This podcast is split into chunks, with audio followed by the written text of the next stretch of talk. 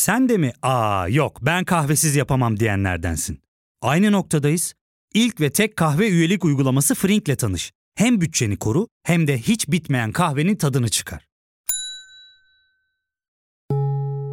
Yakınlarından terapinin onlara ne kadar iyi geldiğini dinlesen de kendin için bir şeylere başlamak zor geliyor olabilir. Ya da sevdiklerine yardım etmeye istekliyken kendi ihtiyaçlarını görebilmek.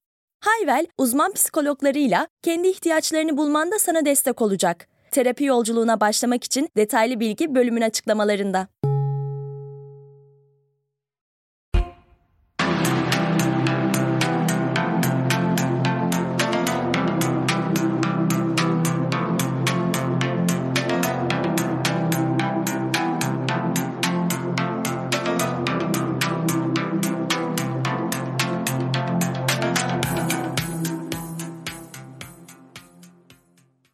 Merhaba, Yakın İlişkiler Podcast'ına hoş geldiniz. Bugün kaçıngan bağlanan insanlar üzerine konuşacağız ve kaçıngan bağlanma üzerine konuşacağız. Ben Orhun, yanında Gizem Hoca var. Öncelikle bu konuyla ilgili konuşurken aslında kaçıngan bağlanma ile ilgili aslında bağlanma üzerine kısaca başlamak ve onu bir tanımlamak daha iyi olabilir diye düşünüyorum.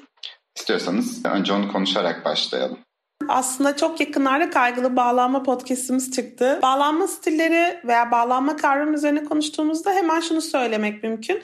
Erken dönemdeki deneyimlerimiz bizim gelecekteki kurduğumuz ilişkileri etkiliyor. Hemen böyle bir cümleyle tanımlamamız gerekirse erken dönemde özellikle 0-3 yaş arası bize bakım veren insanlarla yaşadığımız deneyimler bizim beklentilerimizi şekillendirdikleri için gelecekteki ilişkilerimizden de benzer şeyler bekliyoruz.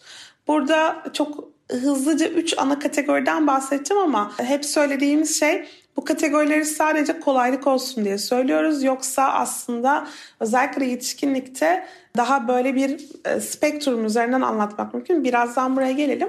Bu üç ana bağlanma stili olarak güvenli, kaygılı ve kaçınganı söylemek mümkün. Güvenli bağlanan çocukların ebeveynleri onlara tutarlı bir şekilde sevgi, şefkat ve ilgi veriyorlar. Ve bu çocuklar şunu öğreniyorlar. Ben başka insanlara güvenebilirim. İhtiyacım olduğunda onları yanımda bulabilirim. Bir sıkıntım olduğunda bir başkasına başkasından yardım isteyebilirim. Kaygılı bağlanan çocukların, bakım verenlerin onlara yeteri kadar tutarlı bir şekilde bu sevgi, ilgi ve şefkati vermediklerini görüyoruz. Yani bir oradalar bir değiller, bir oradalar bir değiller ve çocuk şunu öğreniyor. Ben birinin orada olup olmayacağını bilemem. Yok diye varsaymıyorum ama varlığından da emin değilim. Her zaman güvenemem buna. Aynen öyle. O yüzden hep bir yalnız bırakılma, terk edilme, orada bulamama korkusunu içlerinde taşıdıkları için de hep birazcık daha hiperaktivasyon diyoruz buna. Hep böyle daha yoğun, daha yüksekten tepkilerle yaşıyorlar. Kaçıngan bağlanan çocuklar ise erken dönemde bakım verenlerin orada olmadıklarını öğreniyorlar aslında. Yani nasıl tutarlı bir şekilde bu çocukların bakım verenleri bu çocuklara sevgiyi, ilgiyi, şefkati vermiyorlar. Yani vermiyorlar derken gerçekten de mesela çocuk kucağa alınmak istiyor, alınmıyor. İhtiyaçları karşılanmıyor. Duygusal bu şu şöyle söylemeye çalışmıyorum kesinlikle. Duygusal ihmal veya bilerek yapılmış bir kötülük falan gibi şeyden bahsetmiyorum. Kesinlikle öyle değil. Ama genelde şunu görüyoruz. Yani bu çocukların bakım verenleri de başka türlü sevgi göstermeyi, başka türlü şefkat göstermeyi bilmedikleri için onlara mesafeli yaklaşıyorlar. Ve çocuklar da şunu öğreniyorlar. Ya ben düşersem beni kaldıran biri yok. Yok. Ya olabilir mi değil? Yok. O yüzden de ben düştüğüm zaman kendim kalkmak zorundayım. Kendi ihtiyacımı kendim karşılamak zorundayım. Ve bu bakış açısı yetişkinlikte de devam ediyor. Hemen e, şunu söyleyelim. Bu çocuklar düştüklerinde canı acımıyor değil. Bu çocukların mutsuz olmamaları söz konusu değil. Tabii ki bu çocukların da bu ilgiye, sevgiye ihtiyaçları var ama karşılanmadığı için kendi kendilerine yetmeyi öğrenmiş durumdalar. Bunu özellikle söylüyorum. Çünkü bakıldığı zaman mesela işte bu çocuklarla yapılan çalışmalarda bu çocuklara bakıldığında mesela ebeveyn odadan çıkıyor. Normalde beklediğimiz şey bebeğin ağlaması, bakım vereniyle yakınlık kurmayı talep etmesidir. Ama öyle olmuyor. Onun yerine mesela şöyle bir bakıp kafalarını çeviriyorlar ve sanki her şey normalmiş gibi devam ediyorlar. Ama aslında içlerinde fizyolojik çalışmalardan biliyoruz ki aslında onlar da stresi yoğun bir şekilde yaşıyorlar. Tıpkı diğer çocuklar gibi sadece davranışlarına vurmuyorlar. Dediniz yani bu direkt olarak çocuğu yok saymak anlamına gelmiyor. Yani bir kötü ebeveynlik özellikle yapılan bir şey değil belki ama bu mesela sanırım belli dönemlerde hani eğitimde de kullanılan veya da bazı kültür, kültürlerle özdeşleştirilen de bir ebeveynlik türü olarak da görülür. Yani hatta mesela sanırım Alman kültürüyle falan mesela şey özdeşleştir. Hani düşen bir çocuğu bırak kendi kalkmayı öğrensin falan tarzı şeyle mesela. Hani aslında bunun da vermek istediğin mesajı belki veriyorsundur ama aslında yanında bunun çok da onu ilerleyen olumsuz etkileyebilecek başka bir mesaj daha veriyorsun yani bu tarz bir ebeveynlik yaptığında. Kesinlikle haklısın. Bir kere zaten bazı kültürlerde kaçıngan bağlama çok daha fazla gözüküyor. Genelde bireyci toplumlarda. Ve burada şu var. Ya evet çocuk tabii ki kendi başına kalkmayı öğrenebilir, öğrenmeli de gerektiği zamanlarda. Ama bunu o kadar erken öğrenemez. Ya o kadar erken ancak şunu yapabilirsin. İyi misin canım? Tamam kalk istersen kendin ben buradayım ihtiyacın olursa. Ama işte burada o yok. Burada zaten hani o ilgi yok. Çocuk zaten kendi başına kalkıp toparlanıp hatta ağlamayıp devam etmek zorunda. Çok güzel değil. Mesela bazı kültürlerde duygu göstermek özellikle olumsuz duyguları göstermek olumsuz karşılanır. Kaçıngan bağlanmada da şunu görüyoruz. Kaçıngan bağlanan bireylerin ebeveynleri olumsuz duyguların gösterilmesinden hoşlanmadıklarını sürekli ifade ediyorlar. Buna da ağlanır mı? Kalk kalk bir şey olmadı ki. İyisine ye bir şey yok geçti. Sen bebek misin ki ağlıyorsun? Halbuki bebek yani evet çocuk da ağlıyor. O yüzden erken olgunlaşmadan yani çocuğu haddinden önce, vaktinden önce olgunlaştırmaya bir teşebbüs de bu. Ve çocuk bu sefer duygu regülasyon dediğimiz kavramı e, doğru bir şekilde öğrenemiyor. Çünkü duygu regülasyonunda olumsuz duyguların bir şeyi vardır. Yani eğer kendi kötü hissediyorsan üzülürsün. Ama maalesef kaçıngan bağlanan bireyler olumsuz hissettiklerini o kadar çok bastırıyorlar ki bazen onun adını bile koyamıyorlar hatta yani. Evet, burada aslında şey çok önemli bir nokta yani. Bu duygulara üzülmüyorlar demiyoruz ya da öfkelenmiyorlar demiyoruz. Sadece bu duyguları dışa vurmamayı o kadar kendilerine öğretmişler ki belki de yer yer bu duyguları yok saymak ve dediğim gibi bastırmak aslında bu duyguları yaşama şekillerini oluşturuyor. Yaşamıyorlar değil yine kesinlikle. Kesinlikle öyle. Evet yani bir, şunu bilinç düzeyinde fark etmiyor olabilirler bazen yaşadıkları stresin ne kadar yoğun olduğunu. Çünkü kaçıngan bağlanmanın özünde kendini hep güçlü e, göstermek ve güçlü gösterebilmek için de güçlü hissetmek yeter. Ben her şey yeterim, ben hallederim, başka birine ihtiyacım yok. Ona mı kaldım, niye yardım isteyeceğim ki? İşte ben başkasından yardım istemek sanki kötü bir şeymiş gibi, muhtaç olmakmış gibi kurgulandıkları kurgulandığı için e, kaçıngan bireyin zihninde bundan kaçınmak için kendilerini hep güçlü ve olumlu görüyorlar. Zaten kaçıngan bağlanmanın temelinde kaygılı bağlanmanın tam zıttı olarak, birebir zıttı olarak kişinin kendisini olumlu görmesi, karşıdaki insanları olumsuz görmesi yeter. Kaygılı bağlanmada da şey demiştik. Kendimi olumsuz görüyorum, karşımdaki insanı olumlu görüyorum. Burada tam tersi. Şimdi bundan dolayı da ben kendimi güçsüz hissediyorsam veya bir şey üzüldüysem bunu yaşadığımı kabul etmek de bazen bir zayıflık göstergesi olabiliyor kaçıngan insanlar için. Ama tam da bu sebeple kaçıngan insanlarda biz psikosomatik belirtileri daha çok görüyoruz. Bir yerlerin ağrıması, o gerginliğin vücuda yansıması. Çünkü dışarı vurulmuyor. Evet yani sonuçta bu duygular yine varlar ve bir şekilde yüzeye çıkmak zorundalar. Kaçıngan bağlanan insanların aslında duygusal alet çantalarında böyle direkt olarak bu duygularını aslında yaşadıkları ama bazen bilinç seviyesine dahi farkında olmadıkları bu duyguları dışarıyla özdeşleştirebilecekleri savunma mekanizmaları var. Buna mesela yani narsisizmi de örnek verebiliriz galiba değil mi? Her zaman olmasa da. Yani Narsizmle kaçıngan bağlanma arasında bir korelasyon var ama çok dikkatli bir şekilde söylüyorum bunu. Her kaçıngan bağlanan insan narsist demek değil bu. Her narsist kaçıngan bağlanıyor demek de değil bu. Sadece aralarında bir ilişki olduğu düşünülüyor ama burayı hala %100 netleştirmediği için günümüzde yapılan çalışmalar sadece şunu söyleyebiliriz. Narsist insanların da kendilerine dair gerçekçi olmayan bir olumluluk algısı vardır. Kaçıngan bağlanan insanlar da kendileri hakkında olumlu düşünürler. Bazen yeterince doğru olmasa da bu yeterince gerçekten zannettikleri kadar güçlü veya başarılı olamasalar da böyle bir benzerlik olduğunu söylemek mümkün tabii ki. Yani narsizmde aslında biraz gerçeklikle bağı güçlü olmayan bir olumlu kişisel algıdan bahsediyoruz. Ama aslında bu kaçıngan insanlarda her zaman böyle olmak zorunda değil. Hakikaten var olan ve temeli olan bir olumlu algı da olabilir aynı şekilde bu. Zaten aslında şey değil kaçıngan bağlanan insanlar kendilerine yetmeyi öğrendikleri için çoğunlukla zaten her işi halledebiliyorlar. Şimdi bunun nesi kötü dersek hayat o kadar kolay değil aslında. Çünkü evet yani insanın kendine yetmesi iyi bir şey ama mutlaka şu şeyle ihtiyacım olduğunda başkasından da yardım isteyebilirim koşuluyla. Ama işte kaçıngan insanlar ihtiyacım olduğunda dönebilirim mi başından reddettikleri için hayır ben zaten bir başkasından yardım isteyemem. Çünkü istesem de orada olmayacak. İstesem de benim ihtiyacımı gidermeyecek. Burada bu arada çok böyle şeyden bahsetmiyorum özellikle. Ne atıyorum bir şey taşınacak işte yardımcı olur musun ya da beni bir yere Ki bırakır O da mesela evet hani çok yani ben mesela az önce ofise girerken işte e, iki elimde doluydu. Yemek vardı ellerimde ve hani anahtarım da cebimdeydi. Böyle şey oldum. Kapının önünde durdum. Sonra hani kapıya basabilir aslında gayet zile basabilirim ama onun yerine elimden bırakıp anahtarımı çıkarıp kendim açtım kapıyı mesela. Hani düşününce çok büyük de düşünebiliriz. Hani çok büyük insanlar çok büyük alanlarda etkiliyor ama aslında çok günlük hayatımızda da e, bizi etkileyebilen bir şey bu. Çok basit e, bağlamlarda da bizi etkileyen tabii, bir şey. Tabii tabii tabii kesinlikle öyle.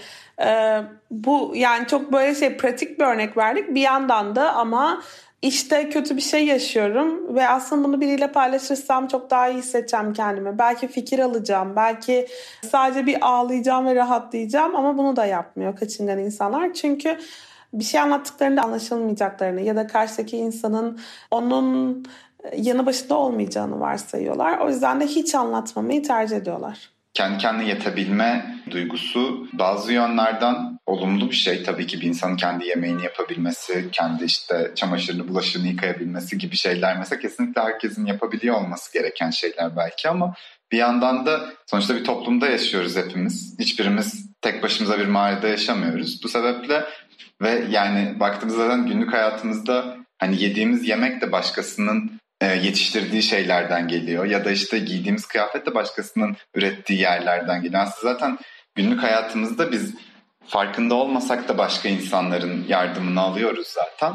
O yüzden hani bu toplumun parçası olduğumuz için aslında yardım almanın kötü bir şey olmadığını ve bunun hayatımızın parçası olduğunun farkına varmak bile tek başına kaçıngan insanları ve kendi kendine yetebilmenin çok önceliğini alan insanları aslında çok daha rahatlatabilecek bir şey olabilir yani.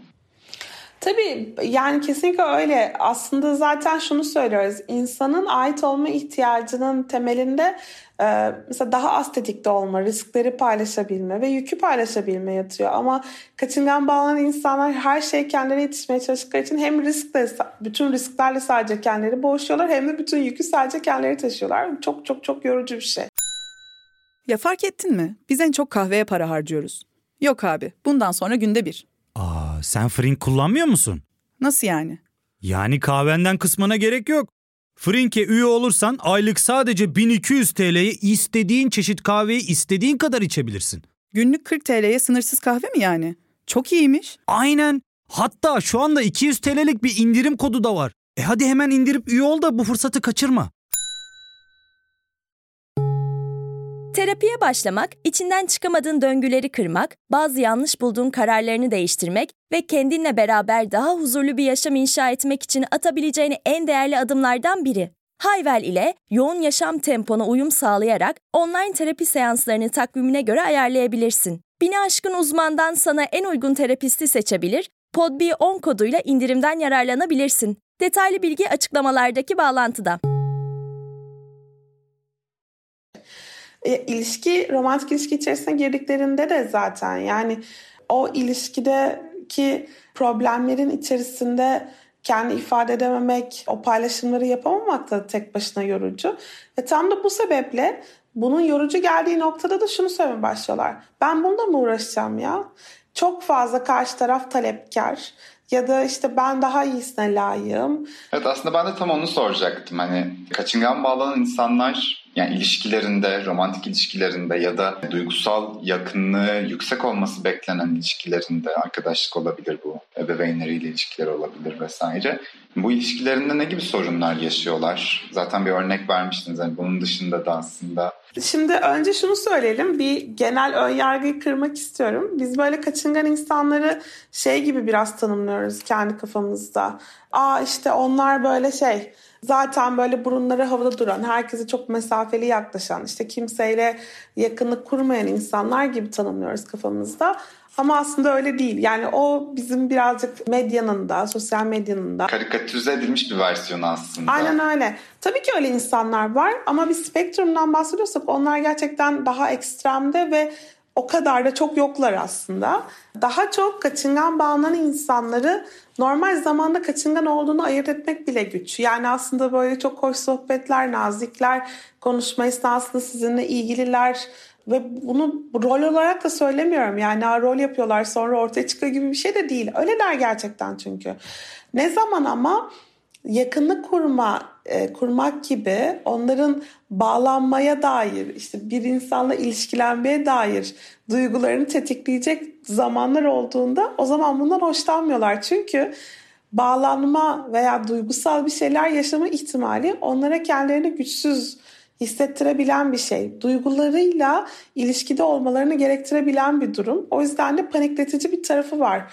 O yüzden kaçınıyorlar aslında. Kaçınmak kelimesi tam olarak oradan geliyor.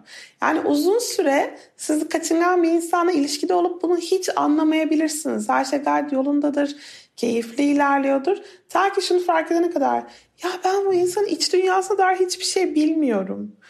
Ya da hiç gelecek planı yapmıyor benimle. Ya da Aa, kadar zaman geçti. Ben daha hiçbir yakın arkadaşıyla tanışmadım, ailesiyle tanışmadım. Şu ana kadar sosyal medyada benimle ilgili hiçbir şey paylaşmadı. Ya da hala mesela ben ve sen kavramları var. Biz kavramı yok. Benim üzüldüğüme üzüldüğünü hissedemiyorum. Bun, ya da bunlarda eksiklikler hissediyorum. Yoğun eksiklikler hissediyorum. Buraya kadar zaten aslında fark etmiyoruz. Ta ki burada şeyi anladığımızda Aa, duygusal olarak aslında benim kadar burada değiller. İşte orada da şöyle problemler çıkabiliyor. Eğer partnerleri kaygılı bağlanan biri ise veya ihtiyaçları bu yönde olan bir insansa bu sefer ihtiyaçlarını dile getirdikleri zaman kaçıngağa bağlanan insanlar bir dakika ya ben buna gelemem. Bu çok fazla duygusuna çok hızlı kapılıyorlar. Ya aslında mesele o kaçıngan insanların e, şunu yaptığını daha çok görüyoruz. İlişkideki problemleri çözmektense kesip atmak, kestirip atmak. Kalıp savaşmaktansa ne uğraşacağım ben bununla deyip ortadan kaybolmak. Ya da işte of çok üstüme geldi ya da çok bunaltıyor beni gibi şeyleri daha hızlı, daha çabuk söylediklerini. Yani daha aslında objektif olarak buna varmadan onların e, olumsuz işaretleri daha hızlı okuduklarını ve buna yorduklarını görüyoruz. Yani kaçıngan insanlar aslında ilişkilerde olumsuz durumlara, tartışmalara da daha az tolerans gösteriyorlar yani. Öyle diyebilir miyiz? Şöyle söyleyelim partnerden gelen olumsuzluklara daha az tolerans gösteriyor diyebiliriz. Tartışmalar yani diyelim ki kaçıngan partnerinizle ilişkinizi yürütüyorsunuz. Tartışmalar esnasında şunu görürsünüz. Daha hızlı duvar örürler. Daha hızlı o konuşma içerisinden çıkarlar. Taviz vermeye daha kapalılar aslında mesela. Kesinlikle öyle. Uzlaşmaya daha kapalılar. Herhangi bir şekilde duygusunu göstermesini isterseniz bu öfke dahi olsa bunu göstermekten hoşlanmazlar. Çünkü öfke bile aslında bir onlar için güçsüzlük belirtisi olabiliyor. O yüzden bunu yapmak istemiyorlar. Yani özellikle duygusal konularda daha mesafeli dururlar. Bu da tamamen kaygılı bağlanmada bunu anlatmıştım. E, kaygılı bağlanan insanlar hiperaktivasyon dediğimiz yani yükselterek tepki verirken, duygularını daha yoğunlaştırarak tepki verirken Kaçıngan bağlanan insanlar duygularını bastırarak ve onları hissetmemiş gibi davranarak hatta belki öyle düşünerek tepki verdiklerinden bu tip böyle ipuçlarını bile okumamak yönünde hareket ederler. Ama bu neye yol açıyor? E, bunu çok fazla genellediklerinden olumlu ipuçlarını da kaçırıyorlar. Yani karşı taraf onlara sevgi verdiğinde, şefkat verdiğinde, buradayım dediğinde, seni seviyorum dediğinde, bir ihtiyacın olduğu zaman ben sana yardımcı olabilirim dediğinde de onu da kaçırdıkları için veya yeterince iyi kaydetmedikleri için diyelim zihinlerine o zaman bu olumlu detaylar da kaçmış oluyor ve karşı taraf olumsuz algılanmaya devam ediyor. Evet, peki bu olumlu detayları kaçırmakla beraber belki şeyden bahsedebilir miyiz? Olumlu detayların gerçek olacağına ya da gerçek olduğuna inanmamaktan bahsedebilir miyiz? Tabii, tabii ki. Zaten e, bizim o hep tekrar Samimi. Niye? mesela. Samimi aynen öyle. Bir, ben niye hep aynı insanlarla birlikteyim? Niye hiç benim ihtiyaçlarımı karşılamayan insanlarla birlikteyim diyen duyar duyarız ve baktığımızda aslında ya gerçekten bunları karşılamayacaklarından emin oldukları insanları seçiyorlar ya da karşıdaki insan karşılama çabasında bulunsa da bunu görmezden gel- geliyorlar. Ama tabii ki bilerek yapılmış bir şeyden bahsetmiyorum. Kesinlikle öyle anlaşılmasını istemem. Bu onların adaptasyonu. Yani ben bağlanma kavramında bunu ısrarla söylemek istiyorum. Biz bağlanma stillerimizi geliştiğimiz, büyüdüğümüz, içinde olduğumuz durumlara daha iyi adapte olabilmek için geliştiriyoruz. Eğer biri size ihtiyacınız olan olumlu duyguları vermiyorsa, bunu öğrenerek büyüdüyseniz o zaman bunları talep etmemeyi öğrenerek adapte oluyorsunuz zaten duruma. Kaygılı insanlarla nasıl ilişki kurduğunu konuştuk. Yani kaçıngan bir insan başka bir kaçıngan insanla ilişki kurabilirse nasıl ilişki kuruyor peki? Ben kurabileceğini düşünüyorum. Hatta kaçıngan bağlanan insanların kaçıngan bağlanan insanlarla tabii ki spektrumdaki yerlerine göre yürütebileceklerini düşünüyorum. Yani aslında kaçıngan bağlanan insanlarla ilgili şöyle bir yanlış bence fikir var. Sanki kaçıngan bağlanan insanın üstüne çok gidersem işte onu böyle e, içine açmaya zorlarsam ve işte böyle sürekli olarak onu yakınlık kurmaya çekersem aşacak, iyileşecek, düzelecek. Hani yenebilirim, başarabilirim bunu duygusu o kadar yoğun ki insanlarda. Halbuki kaçıngan bağlanan insanlarla ilgili tam tersini söylüyoruz. Alan tanıyın, yavaş yavaş ilerleyin, sabırlı olun. Çünkü kaçıngan bağlanan insanın sizi bir olumlulukla eşleştirebilmesi için zihninde zamana ihtiyacı var. Bu insan zaten olumsuzla başlıyor. E siz onun üstüne gittiğinizde onun o kaçıngan tepkilerini aktive ediyorsunuz sürekli. Ve aslında beklentilerini de tasdikliyorsunuz. Evet çok üstüme geliyor. Evet benden çok şey talep ediyor. Evet ben ona yetemem. Evet zaten hani tek başıma ben daha iyiyim. Bundansa gerçekten onun hızında ilerlediğinizde yavaş yavaş yani ben buradayım. İhtiyacın olduğunda gelebilirsin. Evet ben de onu soracaktım. Hani aslında kaçıngan bağlanan insanların özür dilerim böldüm sözünüzü. Duvarlarını aslında aşmak için veya belki de kırmak için bilmiyorum doğru kelime burada hangisi olur. Neler yapabilir kaygılı bir insan veya bu kaçıngan insanla bağ kuran herhangi biri hatta genel olarak? Aslında çok güzel bence soruyorsun. Duvar aşmak, duvar yıkmak tabirleri de güzel oldu. Çünkü tam da onları yapmayalım diyorum. Ee, tam da şunu yapalım diyorum. O duvarlar, o duvarlardan bir tuğla bir tuğla alarak o duvarları indirmeye çalışalım diyorum. Çünkü ya gerçekten bu şey gibi. E, bu insanlar bu sınırları niye koyuyorlar? Çünkü buna ihtiyaçları var değil mi? Yani biz aslında o duvarı böyle aşıp içine girmeye çalıştığımız zaman o kişilerin o yani duygusal e, iç dünyalarına duvar aşıp girmeye çalıştığımız zaman müthiş bir ihlal yapıyoruz ve karşıdaki insanı o kadar baskı altına alıyoruz, o kadar korkutuyoruz ki terörize ediyoruz aslında. Yani biliyorum belki böyle söyleyince tuhaf gelecek insanlar ama tam olarak bu yaptığımız. Yani sen kendi kaçıngan tanımlayan bir insansın. Sen söyle böyle hissetmiyor musun? Yani biri böyle girip çok özel bir soru sorduğunda ben buna hazır değilim yani çok çok fazla yakın. Mesela ben şahsen hani bu böyle bir şey olduğunda hakikaten güç bulamadığımı hissediyorum. Yani benim bunu ben bunu konuşacak gücü hissetmiyorum şu an kendimde hissi oluyor. Ve evet hani yıkmak ve aşmak mesela aslında o zaman çok hızlı çözüme ulaşmak istediğimiz için belki de yaptığımız bir şey. Ama aslında çözüme ulaşmaya çalışırken direkt olarak çözüme olan yolu yok etmiş oluyoruz. İnsana başka bir duvar daha yaratmasına sebep olduğumuz için çoğu zaman. Aynen öyle ya çünkü orada şey oluyor. Ya ben ben ne yapacağım şimdi? Ya ben bununla bu soruya nasıl cevap vereceğimi bilmiyorum. Bu arada şimdi sen kaçıngansın. Ben de sana özel bir soru sordum ama bizim aramızdaki ilişki yakın olduğu için rahat sordum. ee, dinleyenlerin aklına böyle bir soru uyandıysa diye şey yapıyorum, söylüyorum. Şimdi o yüzden de bu duvarları gerçekten aşama aşama açmamız lazım. Bu da gerçekten böyle şeyle yakınlık kuracak davranışlar göstererek ama yavaş yavaş göstererek. Yani bu kişinin iyileştirilmesi gereken bir insan olduğunu varsaymayarak o insanın bu davranışları belli sebepler sonucunda edindiğini ve ona ancak sabırla, şefkatle yaklaşırsak bize güvenmeye başlayacağını varsaymamız lazım. Aslında işin özünde Bağlanma bir koşullanma durumu. Yani başta nötr başladığımız ya da olumsuz başladığımız fark etmez bir insanla olumlu tecrübeler edindikçe onu olumlu ve güvenli bir yere yerleştiriyoruz. O yüzden de kaçıngan bağlanan kişi partneriyle olumlu tecrübeler edindikçe, şu duyguyu hissettikçe hayır yani ben beni olduğum gibi kabul ediyor. Benim e, onun yanında duygularımı bastırmama gerek yok. Veya ben ona kendimi açtığım böyle minicik pencerelerde e, şey hissetmedim. İhlal olmuş gibi, üstüme gelinmiş gibi hissetmedim. Ve bir sonraki sefer de ona birazcık daha o duvarı azıcık daha açabileceğime inanıyorum duygusunu onda oturtabildiğimizde zaten yavaş yavaş o insan da kendisini açıyor. Ama bir taraftan da şunu mutlaka söylemek istiyorum. Hatta öyle bitirelim istiyorum.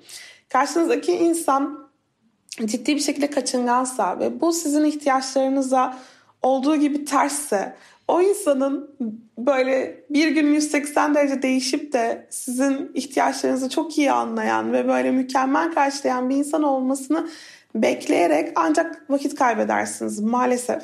Ki evet karşımızdaki insan bir yetiştirilişinden gelen inançlarını ve aslında davranış şekillerini değiştirmesini bekliyoruz. Bu kadar hani böyle olacak bir şey değil gerçekten. Kesinlikle değil. Ve yani bir ömür boyunca bunların sıfırlanmasının da ben gerçekçi olduğuna inanmıyorum. Bağlanma stillerimiz değişebilir mi? Tabii ki değişebilir. Buna öğrenilmiş güven, öğrenilmiş güvenli bağlanma diyoruz. Kazanılmış güvenli bağlanma diyoruz. Ama hala şunu unutmamak lazım çok stresli olduğumuz anlarda, çok yoğun stres yaşadığımız anlarda anında ilk öğrendiğimizde Refleksif kaçarız. Refleksif davranışlarımıza dönüyoruz. Kesinlikle öyle. O yüzden de diyelim ki partnerinizle aşama kaydettiniz, yakınlık kurdunuz ama mesela çok yoğun bir tartışma anında veya çok üzüldüğünde kendi kapatıyorsa bu aslında onun koruma mekanizması. Bunu aslında daha iyisini bilmediği için veya bu onun en çok denediği ve en çok işe yaradığı yöntemi olduğu için bunu yaptığını unutmayın. Ve bırakın yani birazcık bu anlamda bırakın. Hani o kabuğunda demek ki o kozaya biraz girip rahatlamaya ihtiyacı var. Bırakın oradan çıkıp zaten kendisi gelecektir eğer size o yakınlığı kurmayı başardıysanız. Ama zaten ısrarla yani siz deniyorsunuz ve o kaçıyor. Bu döngüyü sürdürmenin size hiçbir faydası yok. Ona da hiçbir faydası yok. O ilişkiden de mutluluk gelme ihtimali çok zor zaten. Bunu da söylemek istiyorum muhakkak burada. Bunu da evet söylemişken bence bugünkü podcast'imizi yavaştan kapatabiliriz. Dinlediğiniz için teşekkür ederiz. Herkese teşekkürler. Sorularınız olursa yorumlarda yazmayı unutmayın. Korkulu kaçırmacı bağlanma stili üzerine de bir podcast'imiz yakında geliyor. Merak etmeyin. Herkese sevgiler. Sevgiler. İlk ve tek kahve üyelik uygulaması Frink, 46 ildeki 500'den fazla noktada seni bekliyor. Açıklamadaki kodu girerek sana özel 200 TL'lik indirimden faydalanmayı unutma. Hadi sen de Frink üyeliğini başlat, kahven hiç bitmesin. Hem bugününe hem yarınına katacaklarıyla terapi yolculuğuna ve daha iyi hissetmeye bugün Hayvel ile başla. Açıklamadaki linkten Hayvel'i indir, ücretsiz tanışma görüşmelerinin ardından bütçene uygun seans paketini seç ve terapi yolculuğuna başla.